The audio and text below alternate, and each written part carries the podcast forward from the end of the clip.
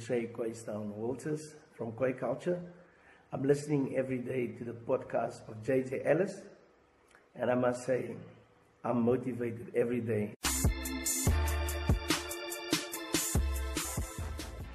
Hallo julle. Uh welkom by uh jy vra en ek antwoord episode 5. Uh ek uh in plaas van waar ek al die vrae in een antwoord wat ek nou uitgevind het waar ek het probeer dit korter maak, raak dit liewer elke week langer. Um so in plaas van waar ek nou elke uh of al die vrae in een video wil ek nou elke vraag in sy eie episode in sy eie video sit sodat dit maak dit ook makliker vir die mense wat daai spesifieke vraag interessant vind of wil ook weet of hoor wat is my opinie daaroor of so iets dan net daai video hoef te kyk. En as jy almal kyk, dankie. ek waardeer dit. Um en 'n dankie vir die vraag. Ek waardeer dit dit 'n uh, almal is nie heeltemal in my expertise nie. Ek het ek sal nie sê ek is 'n expert in enigiets nie. Ek het wel 'n baie sterk opinie.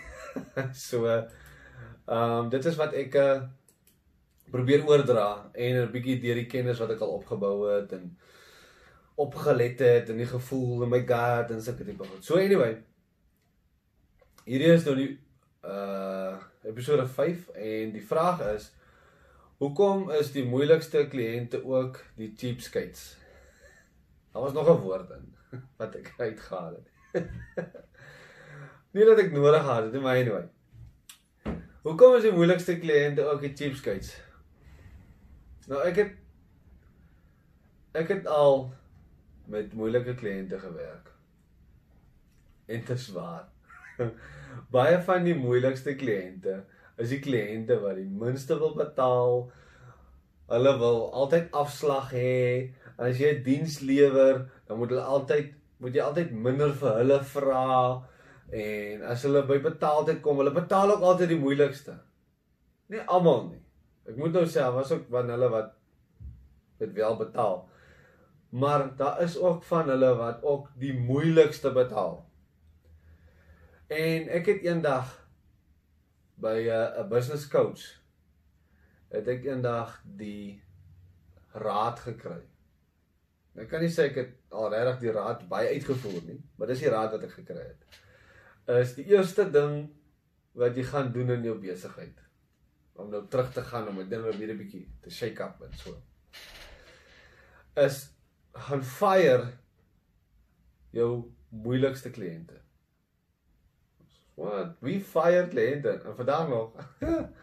anyway, daai tyd was ek ekonomie nou nog nie so baie nie, maar anyway. En sy redenasie was dat jou jy spandeer die meeste van jou tyd op jou moeilikste kliënte. 'n Meeste van die tyd is daai moeilikste kliënte ook die kliënte wat nie jou grootste kliënte is nie. So van jou kleinste kliënte is ook jou moeilikste, maar hulle kry die meeste tyd. So uit daai redenasie uit maak dit heeltemal sin gaan spandeer liewer daai tyd op jou grootste kliënte. Want hulle het makliker die vermoë om daardie kliënt se inkomste wat jy van daai kliënt af gekry het by te sit by die besigheid wat jy al klaar doen. Dalk net 'n tiende van daai een, maar dan vat jy of 'n kom ons sê 'n vyfde, maar dan vat jy die grootste kliënte en spandeer meer tyd met hulle. En sorg dat hulle gelukkig is. Um en 'n ander ding ook van my eie ervaring uit wat ek kan sien van die kant af is van die cheapskates. Wat eintlik wat nou beteken is hulle wil nie volle prys betaal nie en hulle het altyd 'n probleem en Die groot ding van sulke tipe kliënte is dis 'n tipe mens wat ek wil amper sê entitled is. Hy het hy so so tipe kliënt hy of sy is baie onredelik in my oë want jy lewer 'n diens. Jy probeer jou koste so laag as moontlik hou sodat jy kan besigheid doen. En dan jy maak jy word glad nie ryk nie. Jy maak skaars jou payments aan die einde van die maand. En dan wil daardie persoon vra maar kan hulle nie maar 80% betaal nie. Of as jy hulle sê nou nie 80% nie, maar as jy moet gaan dink oor jy vra uh, 1000 rand en hulle sê maar hoorie is dit regtig 'n 1000 rand werd? Uh wat van as ek jou 800 rand gee? Of nee, ek kan nie vir dit sulke tipe goed. Wat hoekom ek sê dis onredelik want as jy dink jy's 'n redelike mens gaan jy nie baie argue met iemand se prys nie. Jy gaan nie as daai persoon as daai persoon vir jou vra oor ek vra 1000 rand en jy dink dit is billik. Jy dink dit is nie buitensporig te veel nie. Gaan jy dink, oké, okay, fyn, ek sal dit jou betaal. Doen jy die werk en ek is happy met die werk, daar's nie issues nie, dan sal ek jou die 1000 rand betaal. Ons gaan nie stry daaroor nie. Maar die persoon wat voel dat hy het nie respek vir jou, hy of sy het nie respek vir jou nie, het nie respek vir jou besigheid nie.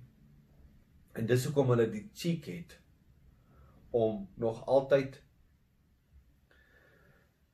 met jou te wil beklei oor 'n prys vir 'n diens wat jy gelewer het. In baie keer, baie keer het jy die produk of die diens nog beter probeer doen as wat jy vir iemand anders sou gedoen het wat baie ehm um, baie gewillig is om my 1000 rand te betaal.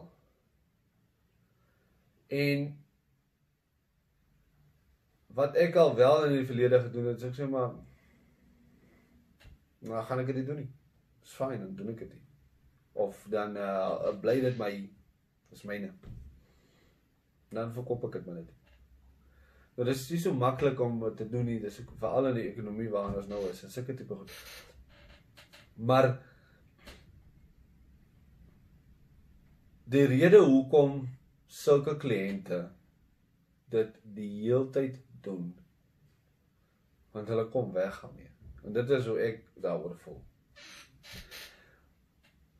As jy gaan as ek so 'n kliënt was en dis nou maar hoe ek dink aan en ek kom weg gaan mee en ek sien dit werk by almal waar ek kom al kla hulle hoe oor my as ek uitgestap het maar dit werk vir my dan gaan ek nie ophou daarmee nie en as ek sien by JJ se besigheid kry ek dit reg dan gaan ek nie ophou daarmee nie so hou dit maar net in gedagte as jy desperaat is vir die geld